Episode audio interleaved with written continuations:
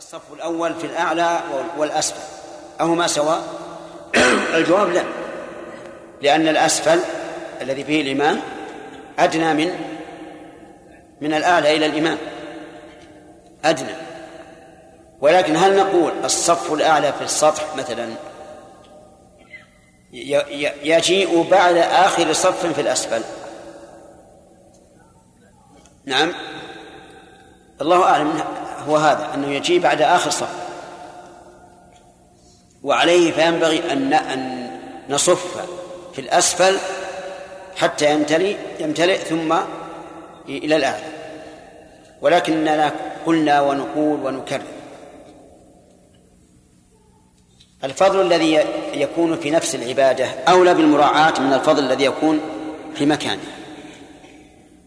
فإذا كان في الأسفل يشغله الناس. بين ذاهب وراجع. كما في المسجد الحرام. والسطح الذي فوقه أهدى وأخشع كان من هذه الناحية أفضل. كان من هذه الناحية أفضل ونقول قد يعرض للمفضول ما يجعله أفضل من الفاضل. كهذا. وهذه القاعدة مفيدة لطالب العلم. أن الفضل المتعلق بذات العبادة أولى من الفضل المتعلق بإيش؟ بمكانها وزمانها. ولهذا السنة تقديم الصلاة في أول وقتها. فإذا كان يدافع الأخبتان في أول الوقت وإذا قضى حاجته وصلى في آخر الوقت صار أخشع له قلنا أخر الصلاة اقضي حاجتك ثم صل. لأن هذا يتعلق بذات العبادة وتقديمها في أول الوقت يتعلق بزمنها. كذلك في المكان. لو فرض أن الصف الأول فيه أشياء تلهي وما وراءه تغيب عنه هذه الأشياء فالأفضل ما وراءه الأفضل ما وراءه. مثل أن تكون في قبلة المسجد نقوش وزخرفات توجب انشغال القلب وما وراءه ليس فيه هذا فيقدم ما وراءه ولكن يحرص على أن يكون الأدنى في الأدنى. فهذه قاعدة نص عليه العلماء رحمهم الله آه، في مذاهب في كتب المذاهب وغيرها. نعم يا سليم. من نفس المحبة يا شيخ. محبة الله عز وجل إذا من الله بها على العبد لا يسويها شيء أبدا. ثم هي محبة لا ينالها تنغيص ولا كدر. المحبوب غير الله يفوتك فتتحسر لفقده. لكن محبة الله دائما معك. محبة لغير الله سبحانه وتعالى لو كانت الشيخ إنسان يحب الإنسان يمكن يجي إنسان غيره يحب أكثر من مثلا أيوة كان يعني محبة غير الله ما شيء جمعة آخر شيء آخر سؤال. على هذه القاعدة شيخ أحسن الله إليكم. يعني اعتكاف في الحرم. الحرم فيه كثير من اللي من الوافدين يعني الواحد لما يكون يقرأ أو يصلي أو كذا يعرض عليه واحد يقاتل امامه وكذا يعني يحصل عليه مضايق كثير. وفي نعم. غيره من المساجد في غيره من الأمكنة ممكن أن آه، يعتكف الإنسان يعني ويعتكف لكن الاعتكاف ليس الإنسان دائما مصلي ليس دائما في صلاه وإذا لم يكن في صلاه فلن يؤثر عليه المار ذهابا ولا ايابا. أفهمت؟ فلذلك ما يمكن أن نقول إن الاعتكاف في غير المسجد الحرام أفضل لأنه آه، مثلا يسلم من آه، التردد بين يديه وما أشبه ذلك لأنه لأن المعتكف ليس دائما في الصلاة سبحانك اللهم نبدأ طيب هل نعيد ما قرأنا أمس؟ ها؟ أحسن أتشهد لنفسك؟ نعم؟ إيش؟ توافق. طيب. توافق عبد الله؟ طيب.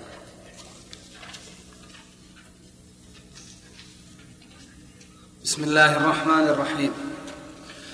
فصل في خلود أهل الجنة ودوام صحتهم ونعيمهم وشبابهم واستحالة الموت والنوم عليهم.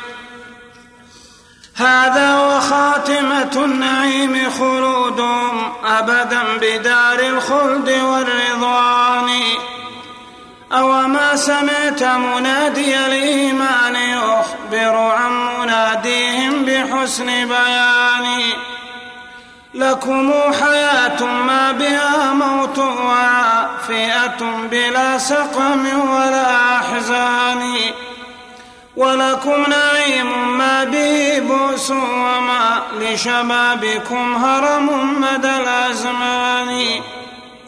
كلا ولا نوم هناك يكون ذا نوم وموت بيننا أخوان هذا علمناه اضطرارا من كتاب الله فافهم مقتضى القرآن. والجهم أفناه علمناه اضطرارا من القرآن لأن القرآن فيه آيات كثيرة أنهم خالدون فيها أبدا. وهذا يقتضي أنهم لا ينامون وأنهم لا, لا يموتون. والنوم أخو الموت بل قد سماه الله تبارك وتعالى وفاة فقال عز وجل وهو الذي يتوفاكم بالليل ويعلم ما جرحتم بالنهار ثم يبعثكم فيه. وقال عز وجل الله يتوفى الأنفس حين موتها. نعم. والجهم أفناها وأفنى أهلها تبا لذاك الجاهل الفتان تبا يعني خسرانا. تب بمعنى الخسارة. نعم. طردا لنفي دوام فعل الرب في الماضي وفي مستقبل الأزمان. وأبو يعني طردا لهذه القاعدة عنده عند جهم يرى تسلسل الحوادث في الماضي ممنوع. وفي المستقبل أيضا ممنوع. لا بد من فناء كل شيء حتى لا يبقى إلا الله عز وجل. وهذا مكذب للقرآن. لأن الله قال في أهل الجنة إنهم خالدون فيها أبدا. وأخبره أنه عز وجل فعال لما يريد. وإذا كان فعالا لما يريد لازم أن تكون أن يكون فعله قديما أزليا بخلاف المفعول. لاحظ يجب أن تفرق بين الفعل والمفعول. المفعولات كلها حادثة لا شك. وليس فيها شيء قديم. لم يكن حادثا من عدم بل كلها حادثة من عدم. لكن فعل الله عز وجل قديم متى شاء فعل فأحدث المفعول. ومتى شاء أبقى المفعول. لو شاء الله عز وجل لأفنى كل شيء إلا إلا نفسه. وهو كل شيء هالك إلا وجهه. لكن هل معنى ذلك أننا إذا قلنا بدوام فاعلية الرب نقول بأن الله معه إله؟ كما زعم الجهم لا. نقول فعله من أوصافه وأوصافه إيش؟ لازمة له أزلا وأبدا. نعم. وأبو الهذيل يقول يفنى كل ما فيها من الحركات للسكان. وتصير دار الخلد مع سكانها وثمارها كحجارة البنيان. قالوا ولولا ذاك لم يثبت لنا رب لأجل تسلسل الأعيان. فالقوم إما جاحدون لربهم أو منكرون حقائق الإيمان. يعني يلزمهم أحد الأمرين إما إنكار الرب وإما جحد حقائق الإيمان. ليس عندهم إيمان. ونحن نقول ماذا تقولون في الزمن؟ أمتسلسل هو أم لا؟ سيقولون متسلسل لا شك. من خلق الزمن؟ الله عز وجل. إذن فلازم من هذا أن التسلسل غير ممنوع. لكن نعلم أن الزمن ما قبله ليس فالزمن ليس موجودا فيه. الله أحدث الزمن وأبقى الزمن ولكن الله لم يزل موجودا ولا يزال موجودا. هو الأول الذي ليس قبله شيء والآخر الذي ليس بعده شيء. نعم. واعلم أن مثل هذه الأبحاث لا طائل تحتها ولا فائدة منها والجهل بها خير من العلم بها. لكن اضطر ابن القيم وشيخ الإسلام وغيرهم من أهل العلم إلى البحث فيها لأنهم دخلوا فيها بالقوة حيث أن الفلاسفة والمتكلمين وأهل المنطق ألجأوهم إلى إلى إلى الدخول فيها. وكان دخولهم فيها واجبا لئلا يكون المكان لهؤلاء الجهال من الفلاسفة والمناطق. فلا بد أن ندخل معهم نخوض المعركة. نعم. وإلا ما لا يمكن أن تجد حرفا واحدا عن الصحابة أنهم سألوا الرسول عليه الصلاة والسلام هذا السؤال. هل الحوادث متسلسلة أو لا؟ إنما يأخذون القرآن على حسب ظاهره وكما يليق بالمتكلم به سبحانه وتعالى. نعم.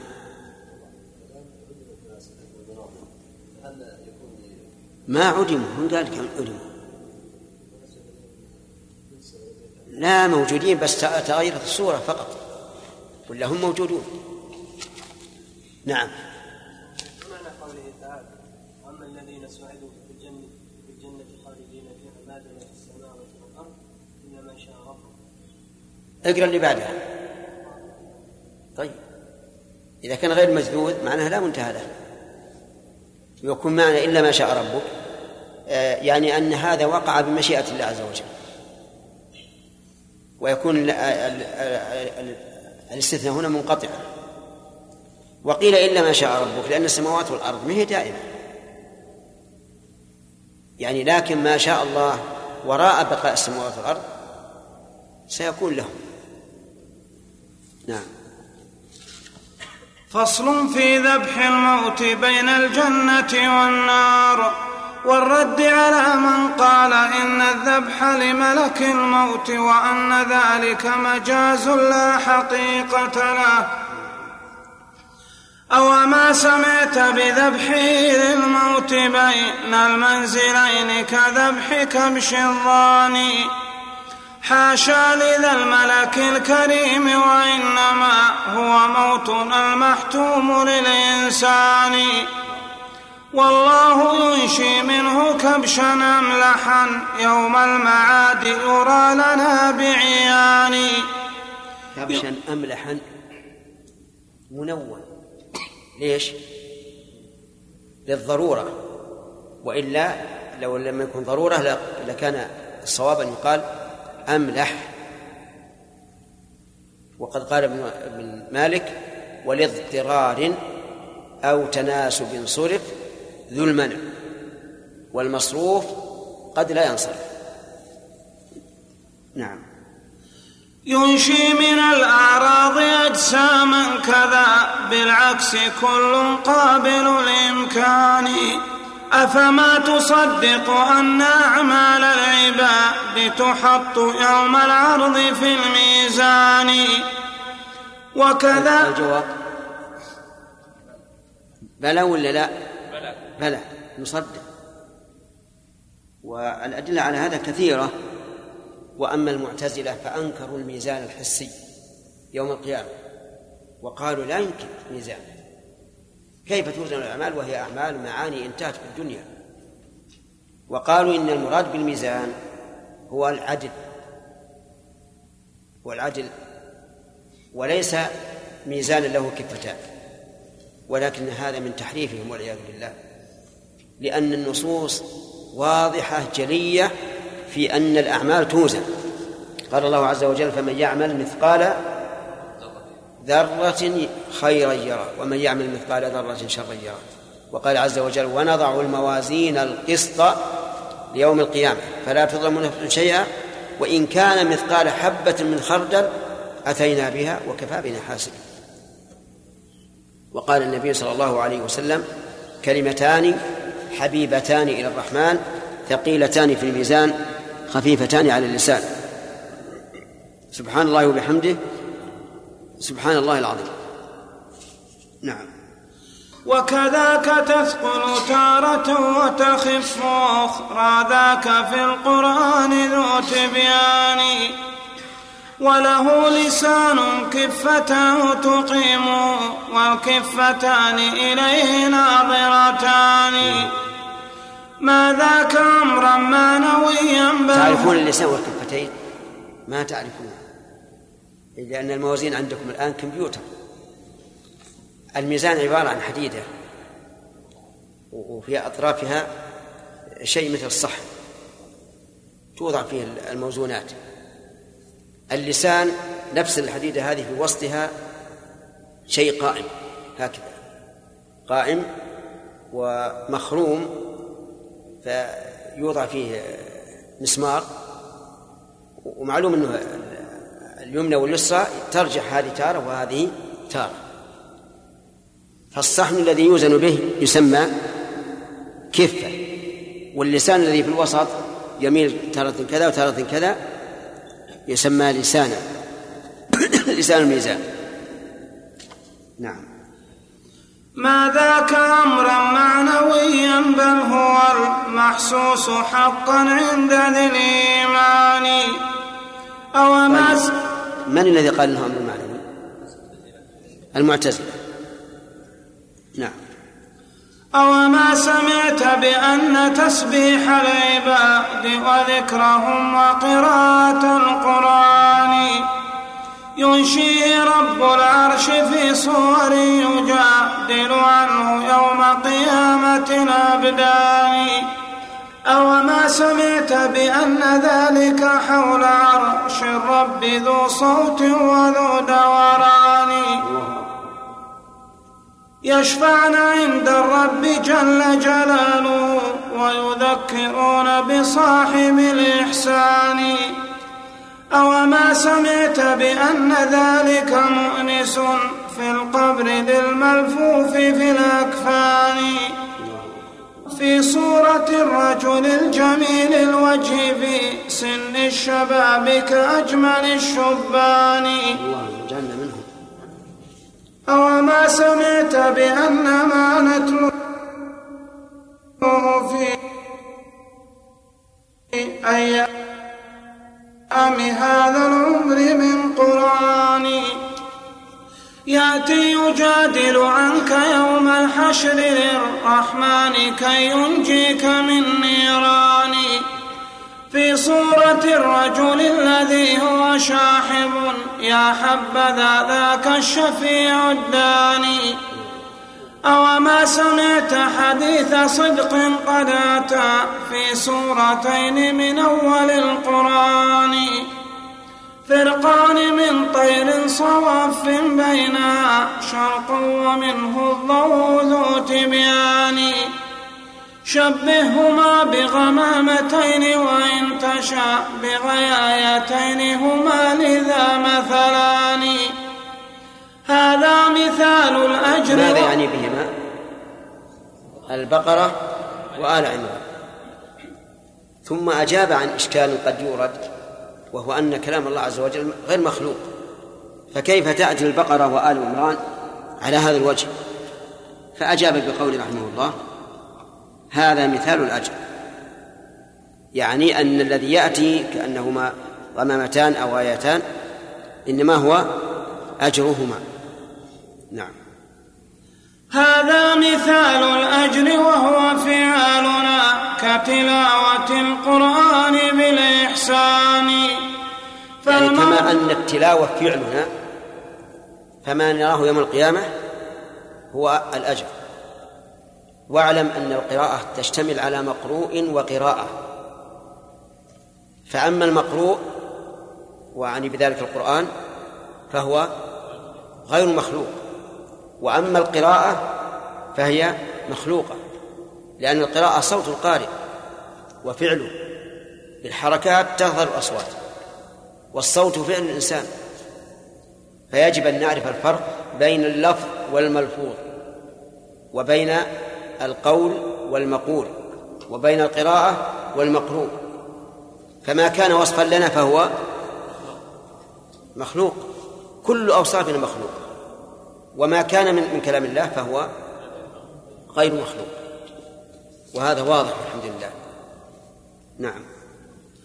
فالموت ينشيه لنا في صورة خلقه حتى يرى بعيان والموت مخلوق بنص الوحي والمخلوق يقبل سائر الألوان.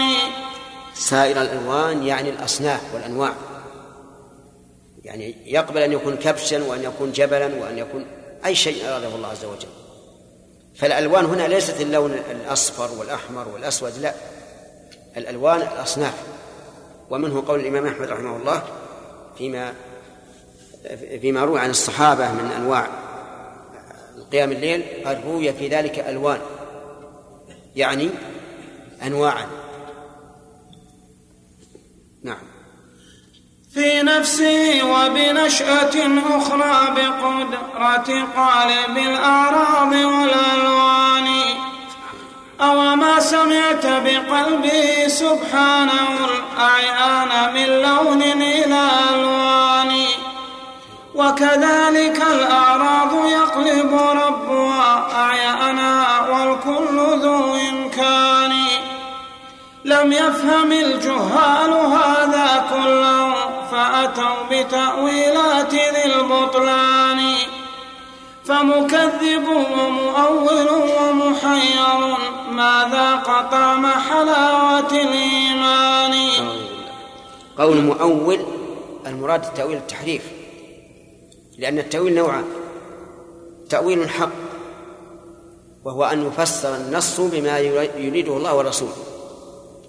والثاني تأويل باطل وهذا تحريف.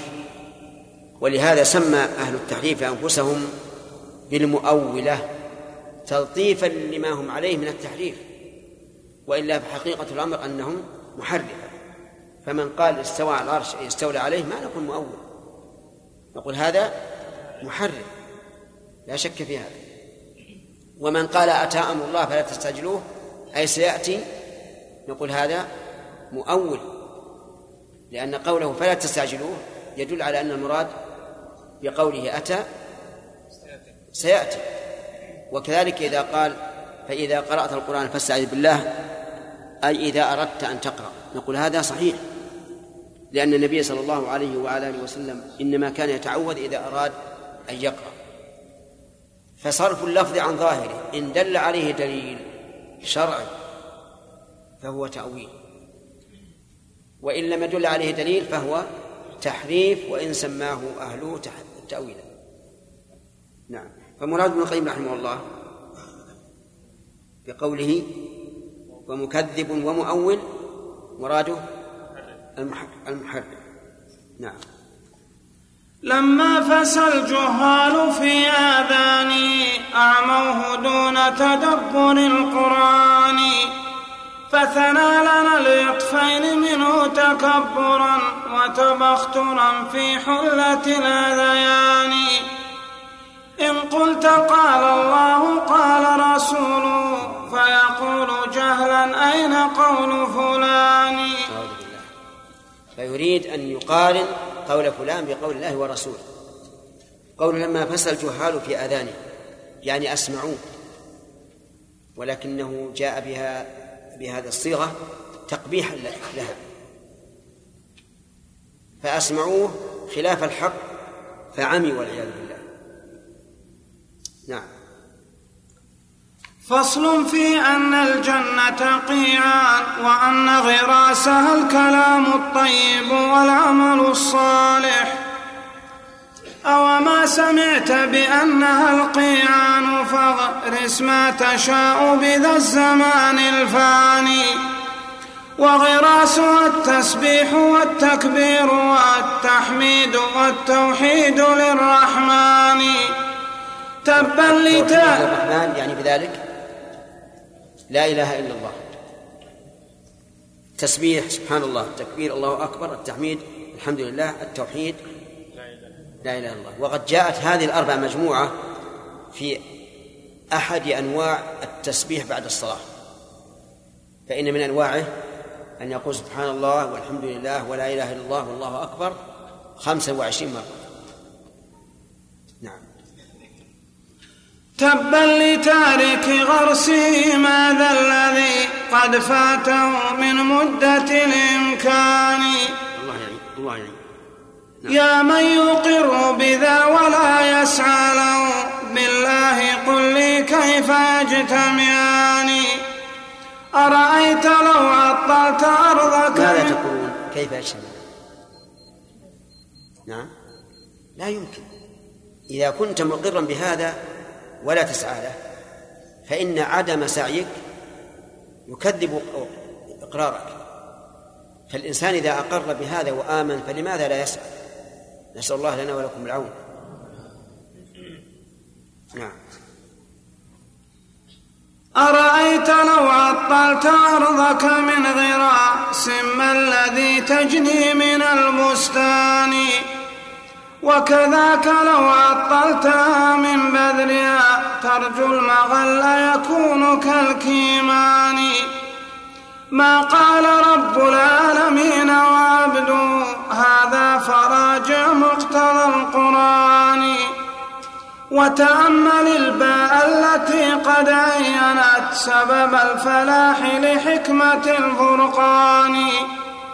وأظن باء النفي قد غرتك في ذاك الحديث أتى به الشيخان.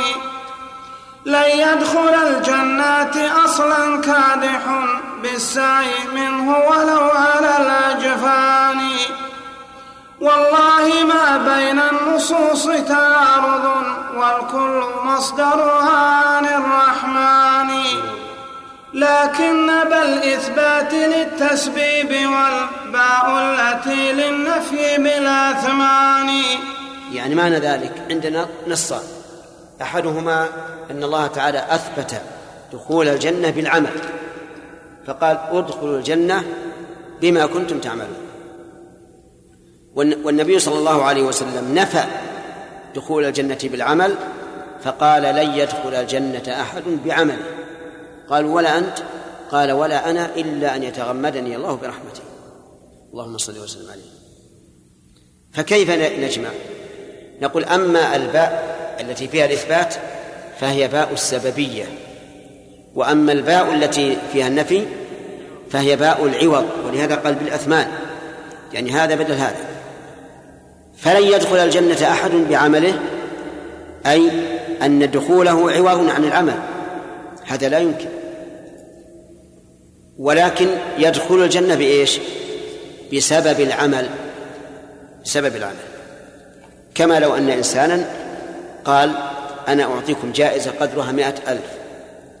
إذا كتبت لي هذه الورقة معلوم أن مائة ألف لا تقابل كتابة ورقة ما فيها إشكال. لكن هو جعل ذلك سببا أي أنك إذا كتبت هذه الورقة فقد امتثلت أمري ورجوت ثوابي فأنا أعطيك هذا الثواب. وفرق بين المعنيين. نعم. والفرق بينهما ففرق ظاهر يدريه ذو حظ من العرفان. نعم. الحديث ان المؤمن ياتي عمل على صوره شاب نعم. والمؤمن يأتي على صوره شاب. يأتي على صورة الشاب. يأتي على صورة الشاب. وش المعنى؟ لأن كل ما ثبت للرجل ثبت للمرأة إلا بدليل. هذه القاعدة العامة في التشريع ثوابا وعملا. ذكر هذا في بعض إيش؟ لا تذكر. واذكر ما قال الرسول عليه الصلاة والسلام. ما من ميت يموت إلا صار كذا وكذا. أتريد أن تأتيها أنثى يعني؟ لا لا أبدا. الأصل أن ما ثبت بحق الرجال ثوابا وعملا ثبت بحق النساء وبالعكس. بسم الله الرحمن الرحيم. فصل في إقامة المأتم على المت لا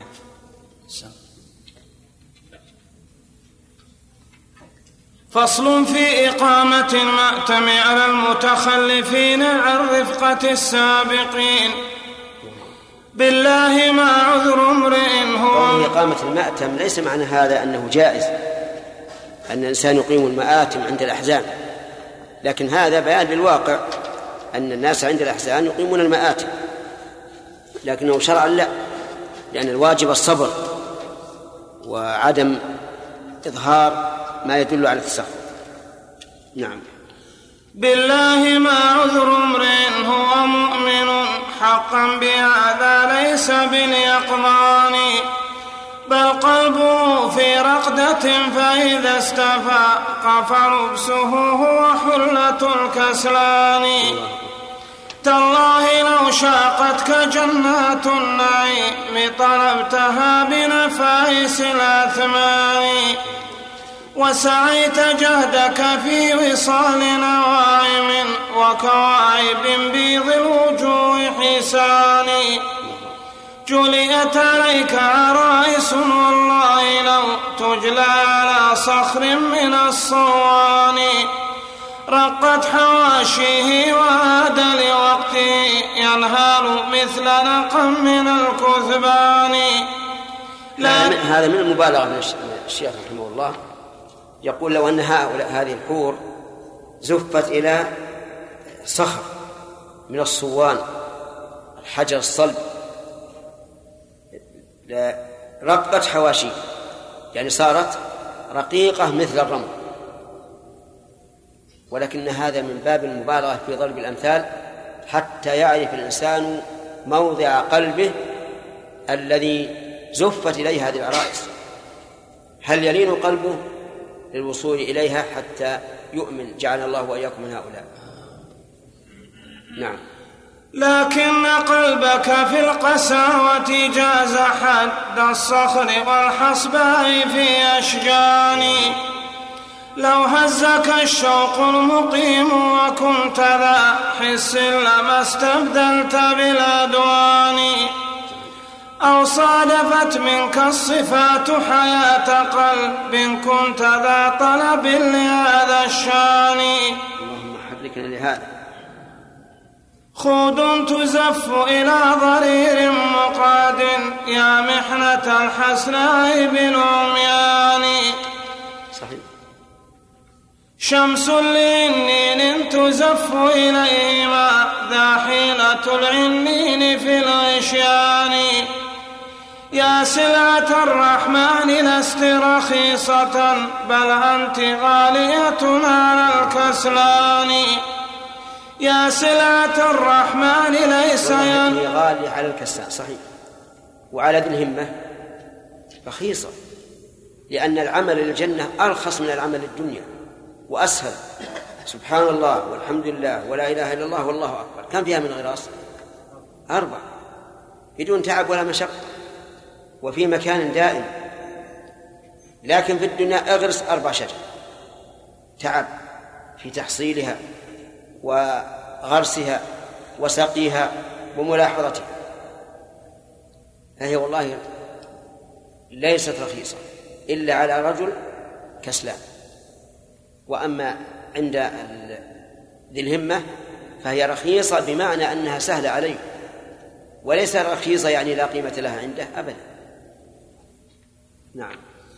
يا سلعة الرحمن ليس ينالها في الألف إلا واحد الاثنان.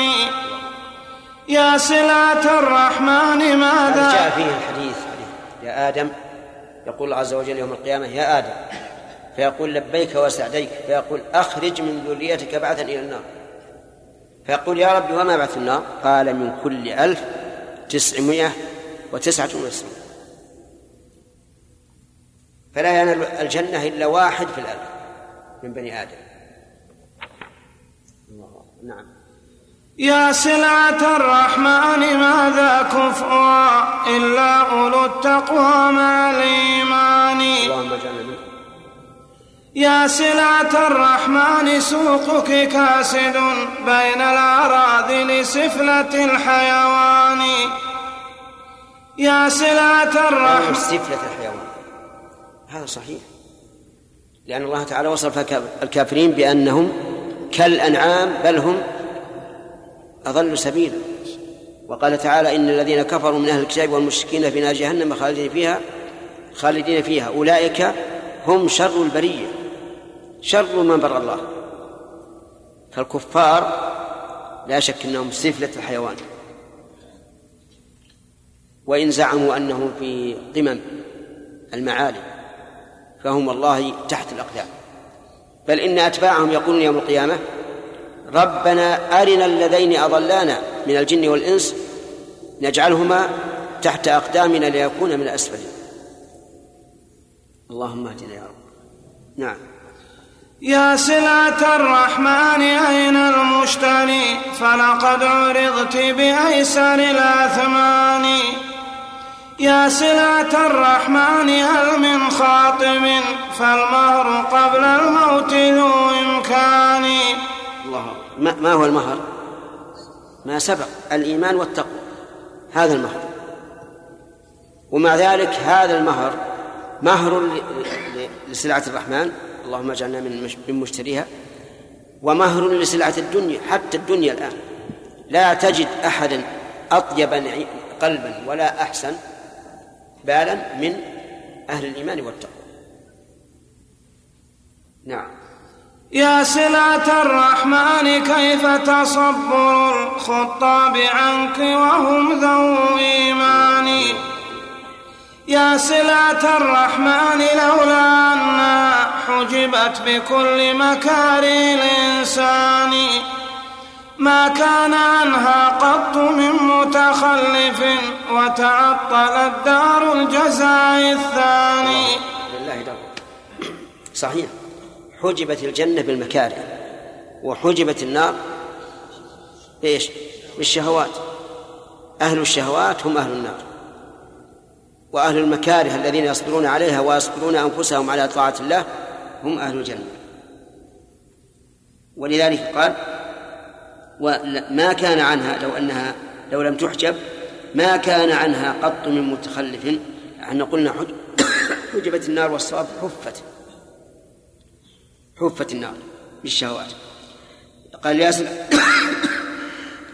ما كان عنها قط من متخلف. وتعطلت دار الجزاء الثاني. ما هي؟ النار. يعني لولا أن الجنة حفت بالمكاره. لكان الناس كلهم يدخلونها. وحينئذ تتعطل إيش؟ النار. وقد أشار الله إلى هذا في قوله و... نعم في آخر سورة هود ولو شاء الله لجعل الناس أمة واحدة ولا يزالون مختلفين إلا من رحم ربك ولذلك خلقهم وتمت كلمة ربك لأملأن جهنم من الجنة والناس أجمعين. نعم. لكنها حجبت بكل كريات ليصد عنها المبطل المتواني وتنال الهمم التي تسمو إلى رب العلا بمشيئة الرحمن. لما فت... قال إنها تسمو إلى الهمم قيد ذلك بإيش؟ بمشيئة الرحمن. مشيئة الرحمن ليست مشيئة مجردة بل هي مشيئة مبنية على الحكمة كما قال الله عز وجل لمن شاء منكم أن يستقيم وما تشاءون إلا أن يشاء الله رب العالمين وقال تعالى في آخر سورة الإنسان وما تشاءون إلا أن يشاء الله إن الله كان عليما حكيما وقال عز وجل ولو, ولو علم الله فيهم خيرا لأسمعهم ولو أسمعهم لتولوا وهم معرضون فلهذا قيد المؤلف رحمه الله ذلك بمشيئة الرحمن نسأل الله أن يشاء لنا ولكم ما فيه الخير والصلاح. نعم. فاتعب ليوم معادك الأدنى تجد راحاته يوم المعاد الثاني. وإذا أبت ذا الشأن نفسك فاتهمها ثم راجع مطلع الإيمان. فإذا رأيت الليل بعد وصبح من شق عنه عمود. فإذا رأيت الليل بعد وصبح من شق عنه عمود. عموده لأدم عندي تاء ها؟ عندي تاء لا عموده لأدم نعم. الظاهر بالرفع. فإذا رأيت الليل بعد وصبح من شق عنه عموده لأذان والناس قد صلوا صلاة الصبح وانتظروا طلوع الشمس قرب زمان. فاعلم بأن العين قد عميت فناشد ربك المعروف بالإحسان. واسأله إيمانا يباشر قلبك المحجوب عنه لتنظر العينان. واسأله نورا هاديا يهديك في طرق المسير إليه كل أوان. والله ما خوف الذنوب فإنها لعلى طريق العفو والغفران.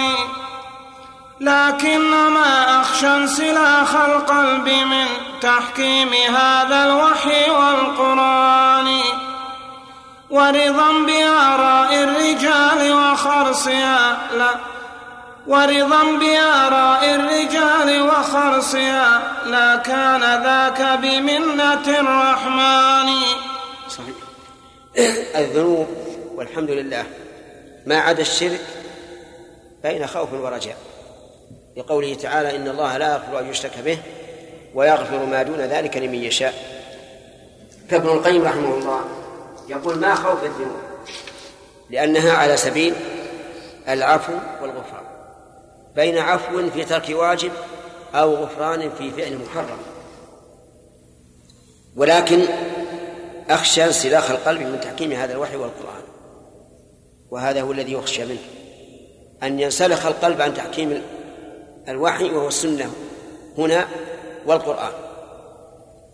لأن القلب إذا انسلخ والعياذ بالله من تحكيم القرآن والسنة صار القرآن في نظره أساطير الأولين وصارت السنة بنظره آراء الرجال والعياذ بالله. وصار الشريعة صارت الشريعة بنظره شريعة عصر مضى. كما هو الآن كما هو موجود الآن في كثير من من الأمم الإسلامية. يدعون القرآن والسنة ويحكمون بآراء بآراء الخلق. آراء الخلق قاصرة. أولا أن المخلوق لا يمكن أن يحيط بكل مصالح الخلق. أليس كذلك؟ لا زمانا ولا مكانا. ثانيا لو فرض أنه أحاط فإنما يحيط بمحيطه فقط بمن حوله. لكن من كانوا بعيدين عنه أو إذا تغيرت الأحوال هل يدرك ما يصلح الناس؟ أبدا. ولذلك لا شك في ضلال هؤلاء في دينهم الذين يحكمون قوانين وضعها الفرنسيون أو الإنجليز أو الأمريكان أو الأمم المتحدة ويدعون كتاب الله وسنة رسوله صلى الله عليه وسلم. من قوانين الأمم المتحدة لا أقام الله لها قانونها أن الإنسان حر في رأيه حر في عقيدته حر في خلقه حر في عمله. يكفر يكفر. يقول ما شاء يقول ما حد يتعرض. يفجر ويكون عاهرا. ما حد يتعرض. والعجائب أنهم يدعون أنهم يحفظون حقوق الإنسان. نعم. وسبحان الله هذا الذي أقوله الآن سمعته في صباح هذا اليوم. من من الإذاعة. إذاعة لندن حكت معاهدة الأمم المتحدة منها هذا البند. أن الإنسان حر ما حد يتعرض. يكفر يشرك يزني يشرب الخمر ما حد يتعرض. لأن هذه حرية الإنسان. أي فوضى وأي فساد أشد من هذا والعياذ بالله. فيقول المؤلف رحمه الله أخشى انفساخ انسلاخ القلب من تحكيم هذا الوحي والقرآن.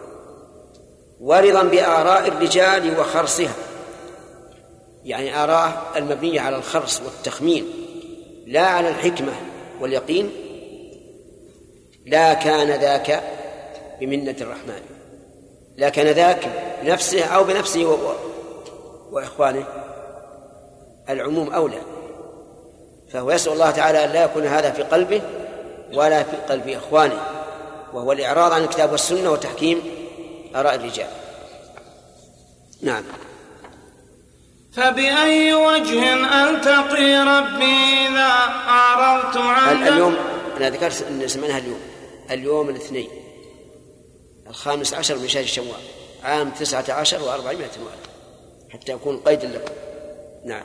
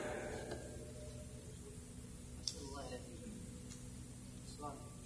طيب الله عز وجل كانوا كلهم اذا اقتربوا من الله عز وجل ازدادوا خشيه من الكفر والنفاق نعم. صحيح. إذن نقصت طاعته الإنسان الذي يعجب بنفسه إذا فعل الطاعة ربما يبطل عمله بالإعجاب ولذلك يجب الحذر من شيئين من رياء قبل الفعل وإعجاب بعد الفعل. كلاهما يكتنفان العمل الصالح فيحبطانه. السلف الصالح يخافون النفاق على أنفسهم. ويقول أنس كنتم تعملون أعمالا هي في أعينكم أدق من الشعر. كنا نراها في عهد النبي صلى الله عليه وسلم من الموبقات هذا في عهد من؟ أنس بن مالك في عهد الصحابة. كيف عهد اليوم؟ الله يثبتنا وإياكم على الحق إلى الممات. هل للإنسان يا شيخ أن يسأل الله تعالى أن يستحقر أن يستحقر نفسه في نفسه حتى لا يصيبه العذر؟ نعم يسأل الله يقول اللهم عرفني بنفسي حتى لا أدل عليك بعملي ولا أعجب ولا أعجب به. خصوصا لو ما ورد الإنسان يعرف حاجته له. يعني ما ندعو إلا بشيء وارد قد يحتاج الإنسان إلى شيء لم يكن معروفا من قبل. فإذا كان يخشى الإنسان على نفسه فليسأل الله عز وجل أن يحرسه ويحميه من هذا من هذا الداء. شيخ أحسن الله إليك. إذا جاء الإنسان خاصه طالب العلم وربما درس عند العلماء عند العوام قالوا يا شيخ تعال يا شيخ وراح الشيخ الشيخ. فإن صار يسكتهم ابتلش. يعني بكثرة هذا وإن سكت فإنه ربما يكون من المتزين المهم بارك الله فيك. الآن أخبركم جميعا. الشيخ رخيص. عرفت؟ نعم ولا لا؟ رخيصة الإمامة رخيصة. كان الناس بالأول لا يعرفون الشيخ إلا من بلغ يعني آه، موضعا عالي من من العلم. الآن ما شاء الله لو يحفظ إنما الأعمال بالنيات قالوا إمام المحدثين. نعم. تغيرت الحال. لكن الإنسان لا يجوز عليه أن يأخذه العجب إذا قالوا يا شيخ تفضل. لا يأخذ العجب. والله يعلم ما في قلبه. هل هو يحب هذا أو يكره هذا الشيء؟ نعم. ثلاثة. فبأي وجه ألتقي ربي إذا أعرضت عن ذا الوحي طول زماني؟ وعزلت عما أريد لأجلي عزلا حقيقيا بلا كتمان. صرحت أن يقيننا لا يستفاد به وليس لديه من إتقان. أوليت هجرا وتأويلا وتحريفا وتفويضا بلا برهان. يشير رحمه الله إلى طريق أهل الكلام أهل الكلام في آيات الصفات وأحاديثها هذه طريقة منهم من يهجرها ولا يلتفت إليها. ويقول اسكت لا تتكلم ولا بمعانيها. ومنهم من يؤولها ولكنه تأويل تحريف. ومنهم من يفوض المعاني ما يسكت؟ يقول نعم هذه الله أعلم بمرادها. ولا أعلم ماذا أراد. وأعلم أن بعض العلماء رحمهم الله من المحققين يظنون أن مذهب أهل السنة والجماعة هو التفويض في آيات الصفات وأحاديثها أي تفويض المعنى بمعنى أنك إذا سألت الرجل من أهل السنة والجماعة ما تقول في قول الله تعالى الرحمن على استوى قال الله أعلم بما أراد. ما تقول في قوله تعالى بل يداه مبسوطتان قال الله أعلم بما أراد. يظنون أن هذا مذهب السلف. وهذا إما كذب وإما جهل. إن كان الإنسان يعلم أن مذهبهم خلاف ذلك فهو إيش؟ فهو كاذب. وإن كان لا يدري فهو جاهل. ولهذا كان السلف مجمعين على أنها معلومة المعنى. أجمعوا على قولهم أمروها كما جاءت بلا كيف. يعني آيات الصفات وأحاديثها. أمروها كما جاءت بلا كيف. طيب إذا أمرناها كما جاءت فهل هي ألفاظ جوفة ليس لها معنى؟ أو لها معنى؟ إذن قولهم أمروها كما جاءت يعني أثبتوا معناها ولا تفوضوا. أيضا وجه آخر في هذه الجملة بلا كيف. لأن نفي الكيف يدل على وجود الأصل. ولو لم يكن الأصل موجودا لكان قولهم بلا كيف لغوا لا فائدة فيه. فأهل السنة, السنة مطبقون على أنهم لا يفوضون المعنى بل يثبتونه ولهم عليه شروح وتقسيمات يقسمون العزة إلى أقسام. العلو إلى أقسام النظر إلى أقسام الكلام إلى أقسام كلام رضا وكلام غضب وما أشبه ذلك يقسمون هذا. لكنهم يفوضون شيئا واحدا وهو الكيفية. الكيفية لا يتعرضون لها ولا يسألون عنها ولا يجيبون عنها وينكرون على من سأل عنها. وسواء كانت الكيفية في الصفة أو في العدد فمن قال مثل كم أصابع الله؟ ننكر عليه. نقول ليس ليس لك حق أن أن تسأل هذا السؤال. أثبت ما جاء في الكتاب والسنة من, من العدد ولكن لا تسأل عن غيره. ومن سأل عن كيفية وجهه أنكرنا عليه. لأن هذا ليس معلوما لنا. طيب وتفويضا بلا برهان أي بلا دليل. وقوله بلا برهان لا يعني أن هناك تفويضا ببرهان. لكن هذا كقوله تعالى وأن تشركوا بالله ما لم ينزل به سلطانا. فهو بيان للواقع وأن كل تفويض فلا دليل عليه. نعم. وسعيت جهدي في عقوبة ممسك بعراه لا تقليد رأي فلان. يا معرضا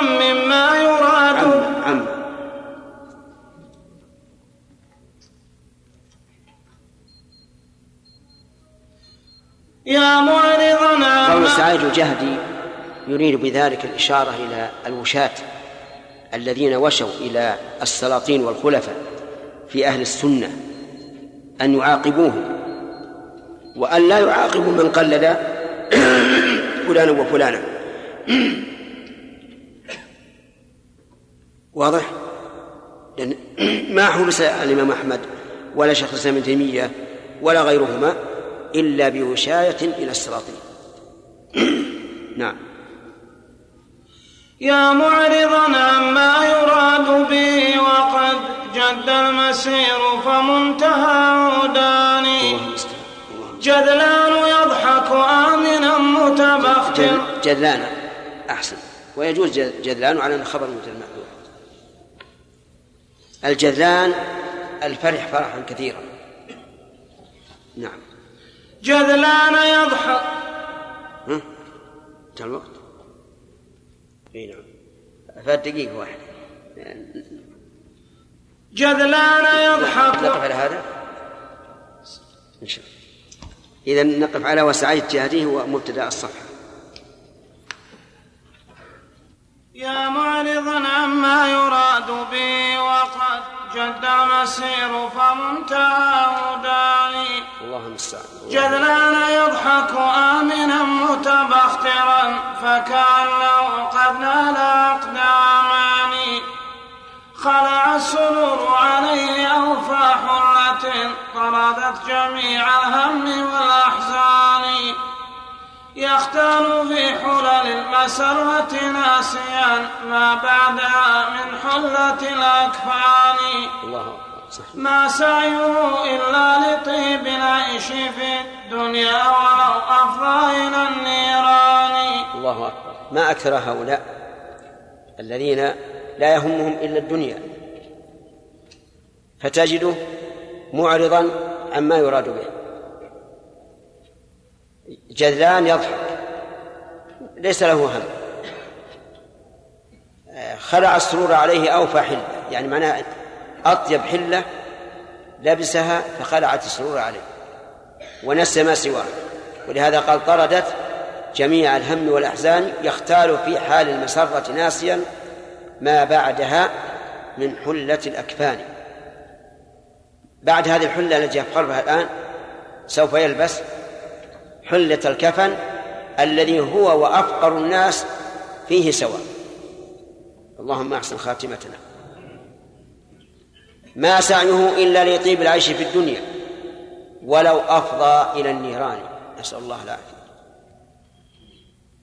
ولهذا ننعى بعض أصحابنا الذين دائما يقولون في الرفاه والترفيه وما أشبه ذلك ونضارة العيش ونعيم الحياة. والحقيقة أننا ينبغي أن نذكر الناس بهذا وبشيء آخر وهو نعيم الآخرة. فنرفل بالعمل الصالح والدعوة إلى الله والأمر بالمعروف والنهي عن المنكر. لأننا لم نخلق للدنيا يا أخوان. ما خلقنا للدنيا. ولو كان البشر مخلوقين للدنيا لكان أولاهم بالبقاء الأنبياء والرسل. وقد قال الله تعالى لنبيه صلى الله عليه وعلى آله وسلم وما جعلنا لبشر من قبلك الخلد. أفإن مت فهم الخالدون؟ لا. لن يخلد أحد. فإذا كنا لم نخلق للدنيا فلماذا نزاحم أهلها عليها؟ ولماذا ننسى الآخرة؟ لماذا لا يذكر الإنسان وهو يلبس الثوب الجديد أنه ربما يلبس الكفن في آخر النهار؟ وإن كان في الليل ربما يلبسه قبل الصباح. لكن القلوب في غفلة نسأل الله أن يحيي قلوبنا بالعلم والإيمان. نعم. قد باع طيب العيش في دار النعيم بذا الحطام المضمحل الفاني بالكسر. قد باع طيب العيش في دار النعيم بذا الحطام المضمحل الفاني إني أظنك لا تصدق كونه بالقرب بل ظن بلا إيقان. بل قد سمعت الناس قالوا جنة أيضا ونار بل لهم قولان والوقف مذهبك الذي تختاره وإذا انتهى الإيمان للرجحان أم تؤثر الأدنى عليه وقالت النفس التي استعلت على الشيطان. أتبيع نقدا حاصلا بنسيات بعد الممات وطيد الأكوان. لو أنه بنسيئة الدنيا لهان الأمر لكن في معاد ثاني. دع ما سمعت الناس قالوه وخذ ما قد رأيت مشاهدا بعياني والله لو جالست نفسك هذا هذه حال كثير من الناس إن لم يكن أكثر الناس. يقول النقد أولى من النسيئة والشيء الحاضر أولى من الغائب. وما نوعده أو نوعد به في الآخرة شيء غائب وما نحن فيه شيء حاضر. فكيف نبيع الشيء الحاضر بشيء مؤجل؟ هذا أكثر الناس يقول هكذا. ولكن العاقل كما قال النبي عليه الصلاة والسلام من دان نفسه وعمل لما بعد الموت. ثم قال والله لو جلست اسمع المثل. والله لو جالست نفسك خاليا وبحثتها بحثا بلا روان لرأيت ذاك أمنا فيها ولو أمنت لألقته إلى الآذان. هذا معناه معناه أن الإنسان لو جلس نفسه خاليا ليس عنده أحد لوجد هذا التردد والشك في الآخرة كاملا فيها إلا من هدى الله. يقول ولو أمنت لألقته إلى إلى الآذان. يعني لو أمنت الناس ورميهم إياه بالكفر وقتله إن استطاعوا لألقته إلى الأذان. المعنى لتكلمت وأسمعت. الله نعم. هذا هو السر الذي من أجله اختارت عليه العاجل المتداني. نقد قد اشتدت إليه حاجة منا ولم يحصل لها بهوان أتبيع بنسيئة في غيرها ذي الدار بعد قيامة الأبدان. هذا وإن جزمت بها قطعا ولكن حظها في حيز الإمكان.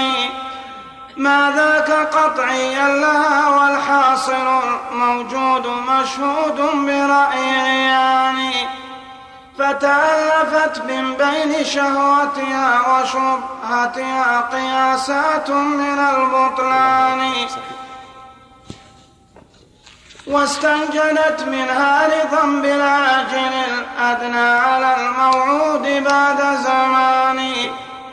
وأتى من التأويل كل ملائم لمرادها يا رقة الإيمان. قو وصغت إلى شبهات أهل الشرك والتعطيل مع نقص من العرفان. واستنقصت أهل الهدى ورأتهم في الناس كالغرباء في البلدان. ورأت عقول الناس دائرة على جمع الحطام وخدمة السلطان. وعلى المليحة والمليح وعشرة الأحباب والأصحاب والإخوان. فاستوعرت ترك الجميع ولم تجد عوضا تلذ به من الإحسان. المليحة يعني الأنثى والمليح يعني الذكر. ولا شك أن الإنسان إذا كان له أبناء وبنات أنه يميل إلى المليحة والمليح أكثر من غيره. هذا إذا حملنا هذا الكلام على الشيء المباح أما إذا كان المليحة يعني المرأة المليحة والمليح الأمرض المليح فالمسألة توجد. يعني لا نقول إن كلام ابن القيم رحمه الله أمر فرضي بل هو أمر واقع. فإن كثيرا من الناس ابتلوا بهذا الأمر نسأل الله العافية. فتجد قد أنعم الله عليه بزوجة صالحة خلقة وخلقا ومع ذلك قد ابتلوا ابتلي بالنظر إلى من سواه نعم. فالقلب ليس يقر إلا في إناء فهو دون الجسم ذو جولان اللهم أقره بالإيمان والعلم. صحيح القلب يتجول. ولهذا جاء في الحديث الصحيح اللهم يا مقلب القلوب ثبت قلوبنا على طاعتك. نعم. يبغي له سكنا يلذ بقربه فتراه شبه الوالي الحيران. فيحب هذا ثم يهوى غيره فيظل منتقلا مدى الأزمان. لو نال كل مليحة ورياسة لم يطمئن وكان ذا دوران. بل لو ينال بأسرها الدنيا لما قرت بما قد ناله العينان نقل فؤادك حيث شئت من الهوى واختر لنفسك أحسن الإنسان. فالقلب مضطر إلى محبوب الأعلى فلا يغنيه حب ثاني. بالكسر حب يعني محبوب ومنه قولهم أسامة بن زيد بن حارثة حب رسول الله صلى الله عليه وسلم وابن حبه. وصلاحه وفلاحه ونعيمه تجريد هذا الحب للرحمن. فإذا تخلى منه أصبح حائرا ويعود في ذا الكون ذا هيمان صحيح. صحيح.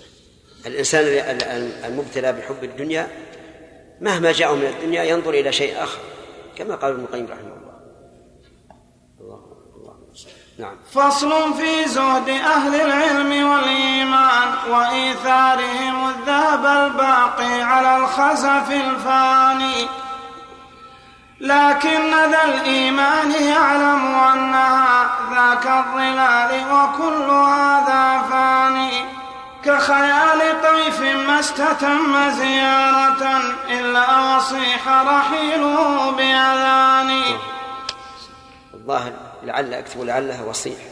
وسحابة طلعت بيوم صائف فالظل منسوخ بقرب زمان.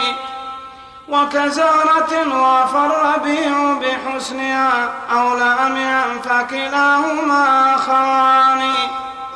أو كالسراب يلوح للظمان في وسط الهجير بمستوى القيان.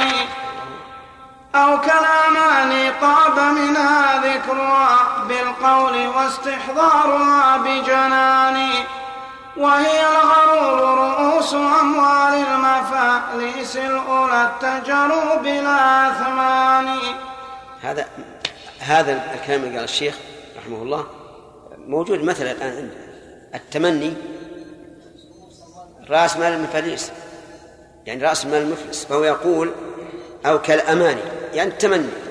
طاب منها ذكرها بالقول واستحضارها بجنانه بالقول باللسان واستحضارها بالقلب. يتمنى ويفعل وبيصير وبيكون.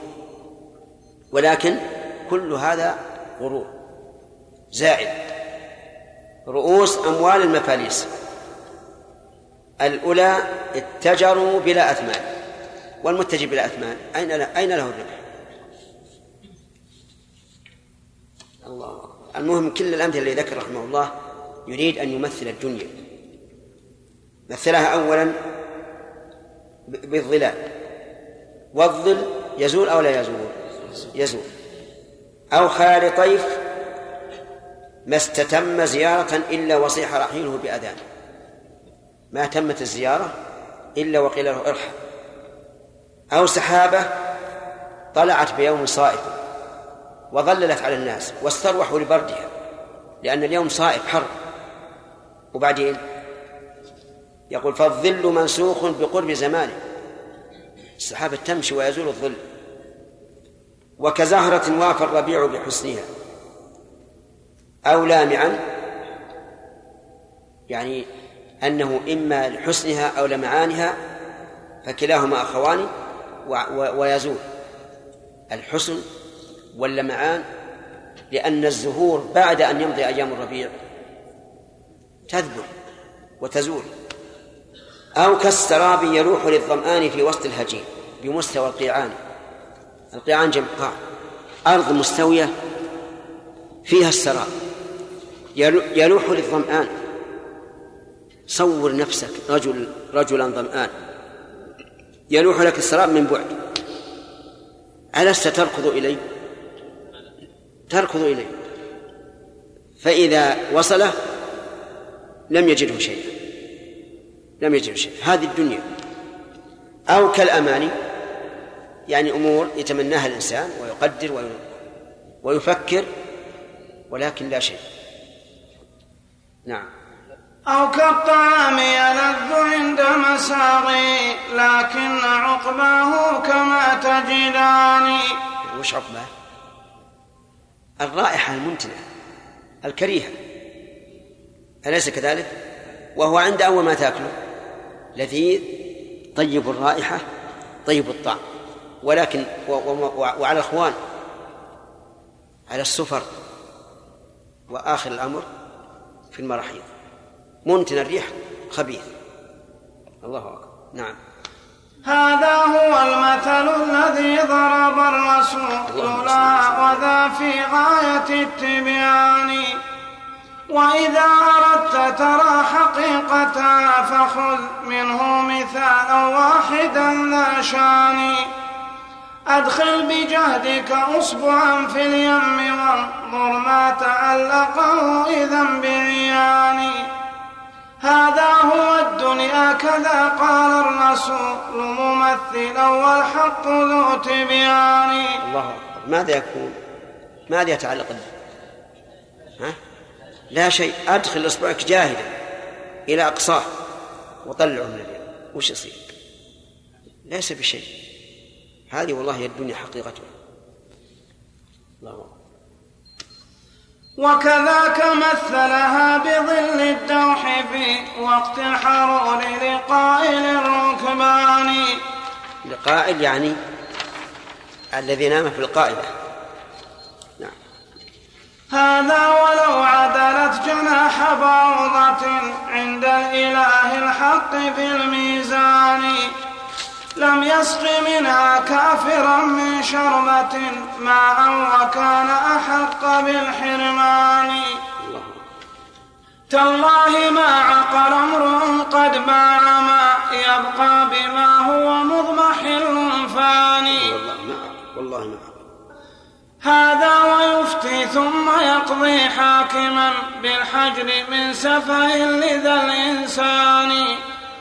إذ باع شيئا قدره فوق الذي يعتاضه من هذه الأثمان.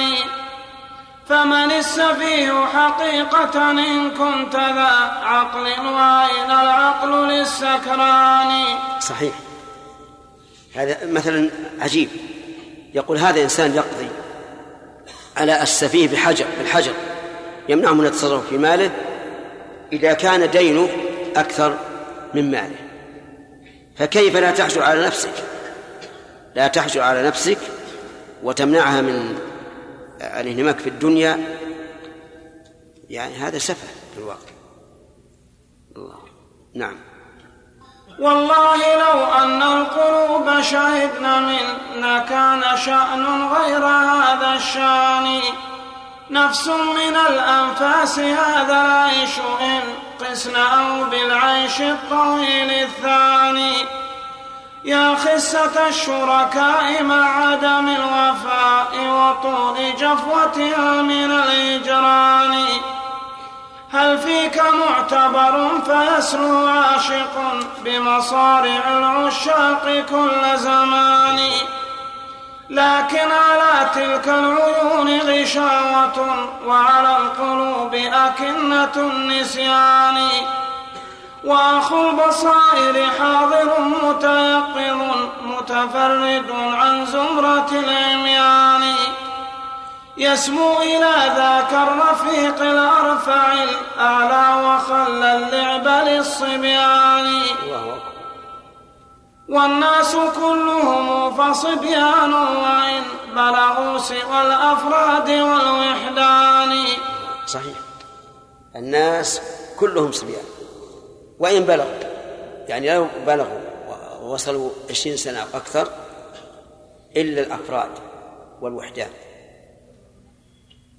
وواحد في الألف هو العاقل. تسعمائة وتسعة وتسعين هم السفهاء والصبيان. نعم.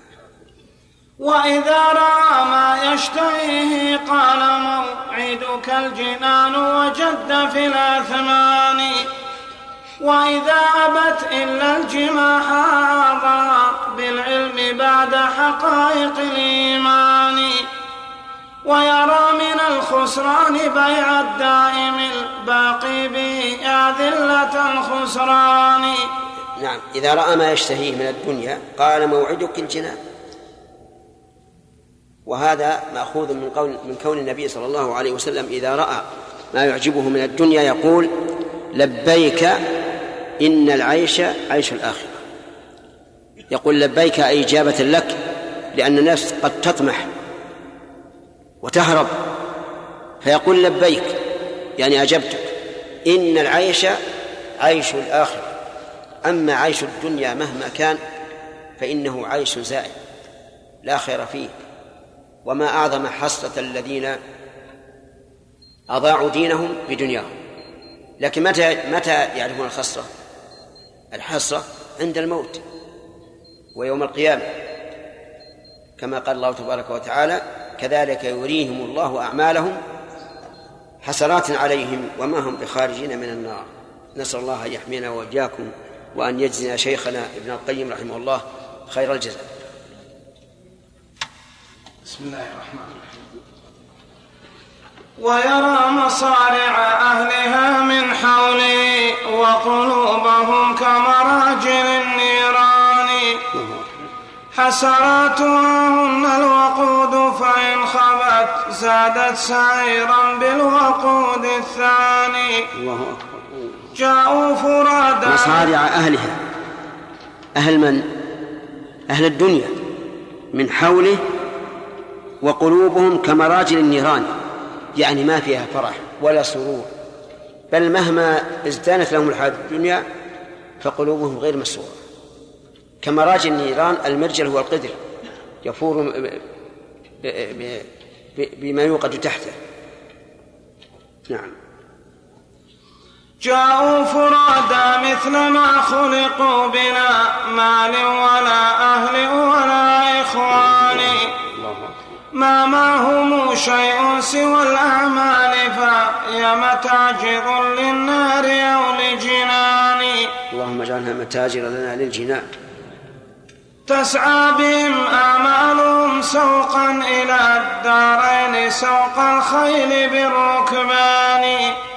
صبروا قليلا فاستراحوا دائما يا عزة التوفيق للإنسان. هؤلاء ليسوا أهل الدنيا الذين صبروا قليلا هؤلاء أهل الآخرة الذين عرفوا الدنيا ولم يأخذوا منها إلا بما ينفعهم في الآخرة. نعم.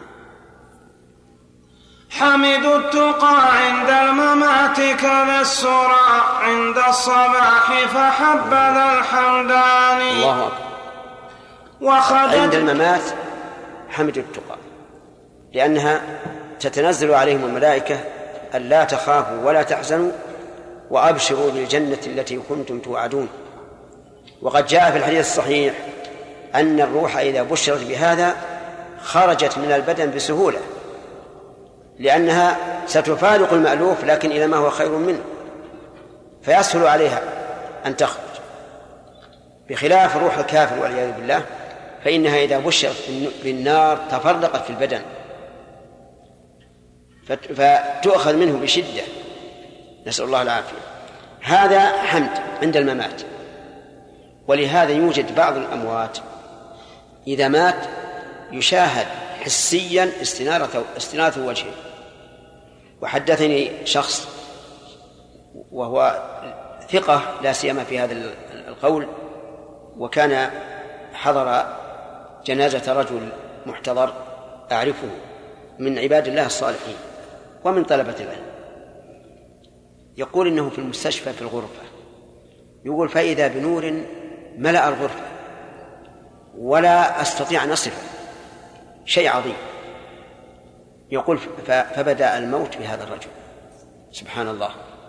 هذا يدل على أن الملائكة تنزلت بنور لهذا الميت الله فضله وهذا شيء أنا أشهد به عليه. والرجل ال- الشاهد وإن كنت لا أعرف عن حاله لكن أعرف حال المشهود له بأنه بأنه رجل حري بذلك. غفر الله لنا وله. نعم. طيب عند عند الصباح متى؟ يوم القيامة. تتلقاهم الملائكة يقولون سلام عليكم ادخلوا الجنة. وهذه لا شك بشرى بخلاف الذين يدعون إلى نار جهنم دعا والعياذ بالله. ويلقون فيها إلقاء. وإذا ألقوا فيها سمعوا لها شهيقا وهي تفور تكاد تميز من الغيظ من شدة غيظها تكاد تقطع. كلما ألقي فيها فوج فالتقريع والتوبيخ سألهم خزنتها ألم يأتكم نذير؟ قالوا بلى قد جاءنا نذير فكذبنا وقلنا ما نزل الله من شيء إن أنتم إلا في ضلال كبير. إذن هؤلاء يحمدون التقى عند الممات وكذلك السرى عند الصباح يوم القيامة. اللهم اجعلنا منهم. نعم. وحدت بهم عزماتهم نحو العلا وصروا فما نزلوا إلى نعمان. نعمان نوع من الشجر ينزل به المسافر للراحة. يعني فهؤلاء جدوا في السير ما نزلوا للاستراحة. باع الذي يفنى من الخزف الخسيس بدائم من خالص العقيان الله أكبر. فرق بين الثمنين. خزف خسيس يفنى. بإيش؟ دائم خالص نقي العقيان الذهب. أيهما أولى بالأخذ؟ الأول أو الثاني؟ الثاني لا شك. الله لا لا نعم. رفعت لهم في السير أعلام السعادة والهدى يا ذلة الحيران. فتسابق الأقوام وابتدروا لا كتسابق الفرسان يوم رهان. وأخو الهوينا في الديار مخلف ما شكلي يا خيبة الكسلان. الله رحمه الله. والسابقون السابقون. السابقون في الدنيا إلى الأعمال هم السابقون للثواب يوم القيامة. نعم. فصل في رغبة قائلها إلى من يقف عليها من أهل العلم والإيمان.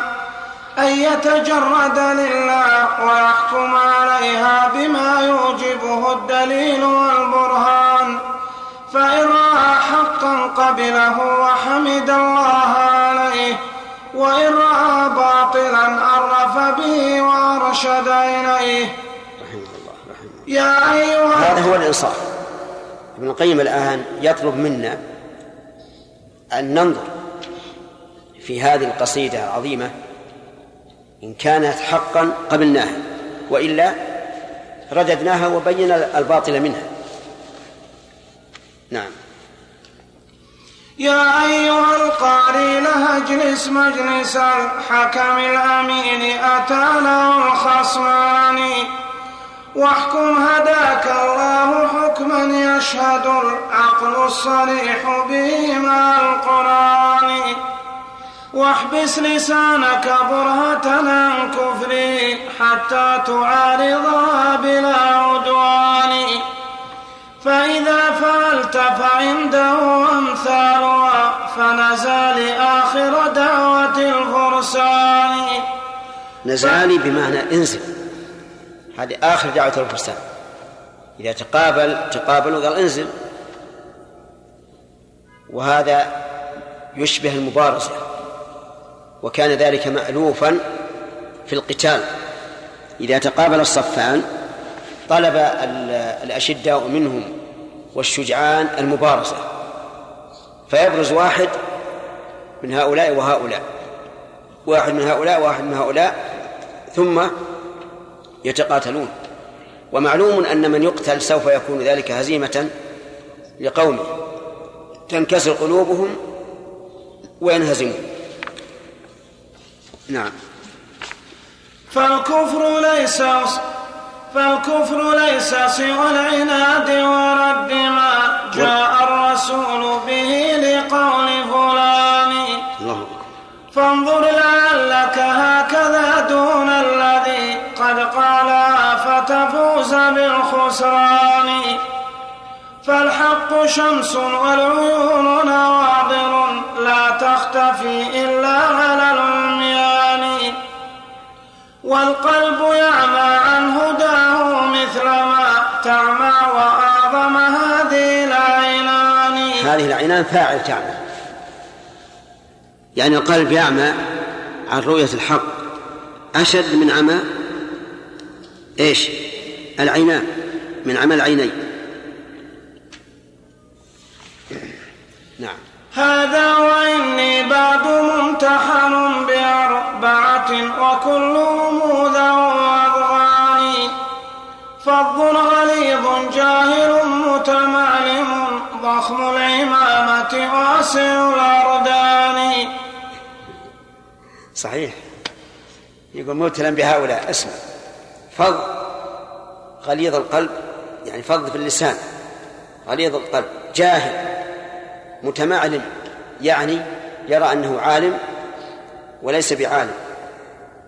ضخم العمامة. اذا هذا حظه من العلم. أن يكبر العمامه واسع الأردان يعني أن أكمامه واسعه يكاد الكم يكون قميصا من ساعته وهذا من وقت ابن القيم رحمه الله أن هؤلاء الذين يعتقدون أنهم الشيوخ وأنهم الأولياء يفعلون هذا. نعم. متفيهق متضلع بالجهل ذو ضلع وذو جلح من العرفان. نعم. لا عندنا ضلع. مزج البضاعة في العلوم وإنه زاج من الإيهام والهذيان يشكو إلى الله الحقوق تظلما من جهله كشكاية الأبدان. من جاهل متطبب يفني الورى ويحيل ذاك على قضى الرحمن. صحيح. الجاهل الطبيب الجاهل يفني الورى يهلكهم. يقول هذا فيه داء. وانه فيه قال في القلب يلا شق القلب. شقة ومات الرجل. قال والله هذا قضاء الله قدر. نعم. يقول يفني الوراء ويحيل ذاك على إيش؟ على قدر الرحمن. هذا قضاء الله. وهو ما يعرف شيء من الطب. ولهذا قال الشيخ الإسلام ابن تيمية في الفتوى الحموية في آخرها قال إنه يقال ما أفسد الدنيا إلا أربعة. نصف فقيه ونصف متكلم. ونصف طبيب ونصف نحو. هالأربعة ذولا هم اللي أفسدوا الدنيا كلها. نصف الفقيه أفسد البلدان. ليش؟ لأنه يحكم بهذا على هذا وهو ليس عنده علم.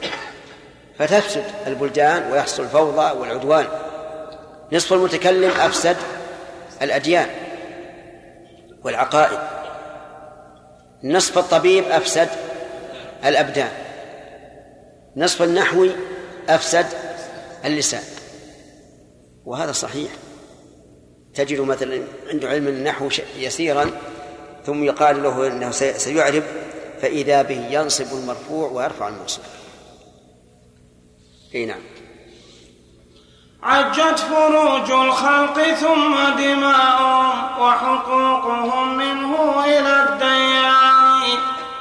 ما عنده علم سوى التكفير والتبديع والتضليل والبهتان.